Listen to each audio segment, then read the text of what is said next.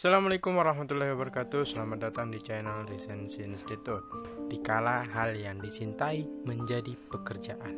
Pernahkah Anda bosan dengan apa yang saat ini Anda kerjakan?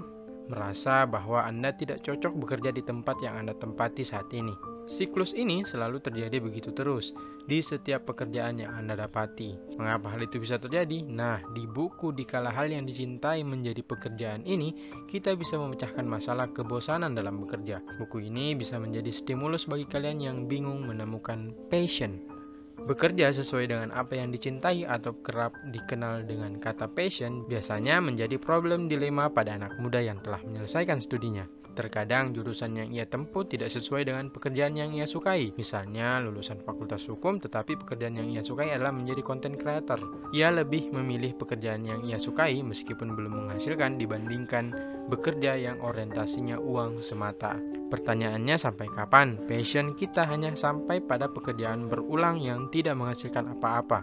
Di akhir resensi ini kita akan menjawab pertanyaan ini. Yang pertama, bagaimana cara menemukan passion? Yang pertama adalah mencoba banyak hal. Nah, untuk beberapa orang yang masih sulit untuk menemukan rencananya atau passionnya, hal pertama yang harus dilakukan adalah mencoba beberapa hal.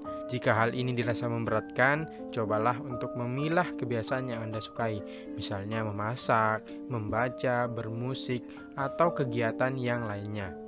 Semakin mengerucut pilihan Anda, semakin mudah Anda untuk menemukannya. Kemudian yang kedua, jujur dengan diri sendiri. Jangan malu untuk melakukan sesuatu yang tidak sesuai dengan disiplin ilmu Anda jika memang Anda tidak menyukainya. Misalnya, Anda lulusan ilmu hukum tetapi Anda lebih memilih menjadi konten kreator di bidang pendidikan. Nah, Anda juga bisa mengkomparasikan kedua bidang ini. Misalnya, Anda membuat konten pendidikan terkait dengan disiplin ilmu Anda. Yang ketiga adalah jangan hiraukan perkataan orang lain. Sebisa mungkin Anda membuat benteng pertahanan yang kokoh jika Anda ingin fokus terhadap apa yang Anda sukai karena pembunuh mimpi atau pampir energi akan terus datang menghampiri Anda, entah itu teman Anda, pasangan Anda, atau bahkan keluarga Anda. Yang terakhir adalah bergabung dengan komunitas. Penting untuk menemukan teman atau komunitas yang sejalan dengan passion Anda untuk lebih menyemangati Anda. Biasanya, jika kita tidak mencari teman atau komunitas yang sejalan dengan apa yang kita sukai, tidak ada pengingat ketika kita mulai melenceng dari apa yang kita perjuangkan. Selanjutnya adalah cara mewujudkan passion jadi pekerjaan. Menjawab pertanyaan sampai kapan passion kita hanya sampai pada pekerjaan berulang yang tidak menghasilkan apa-apa. Nah, menemukan passion adalah satu hal, tetapi bisa hidup dari pekerjaan yang kita sukai adalah hal lain. Di fase ini, sebagian dari kita banyak yang mengalah dikarenakan tuntutan hidup, mengorbankan passion dan lebih memilih pekerjaan rutinitas dikarenakan tuntutan hidup yang ia tempuh.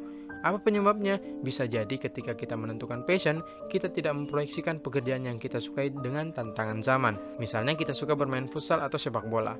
Dengan kondisi pesepak bolaan di Indonesia, kita sudah bisa lihat keberuntungan untuk hidup dalam sepak bola atau futsal terlihat buram. Jadi sepak bola dan futsal hanya masuk dalam hobi yang selalu kita kerjakan. Terakhir adalah apa yang harus kita lakukan.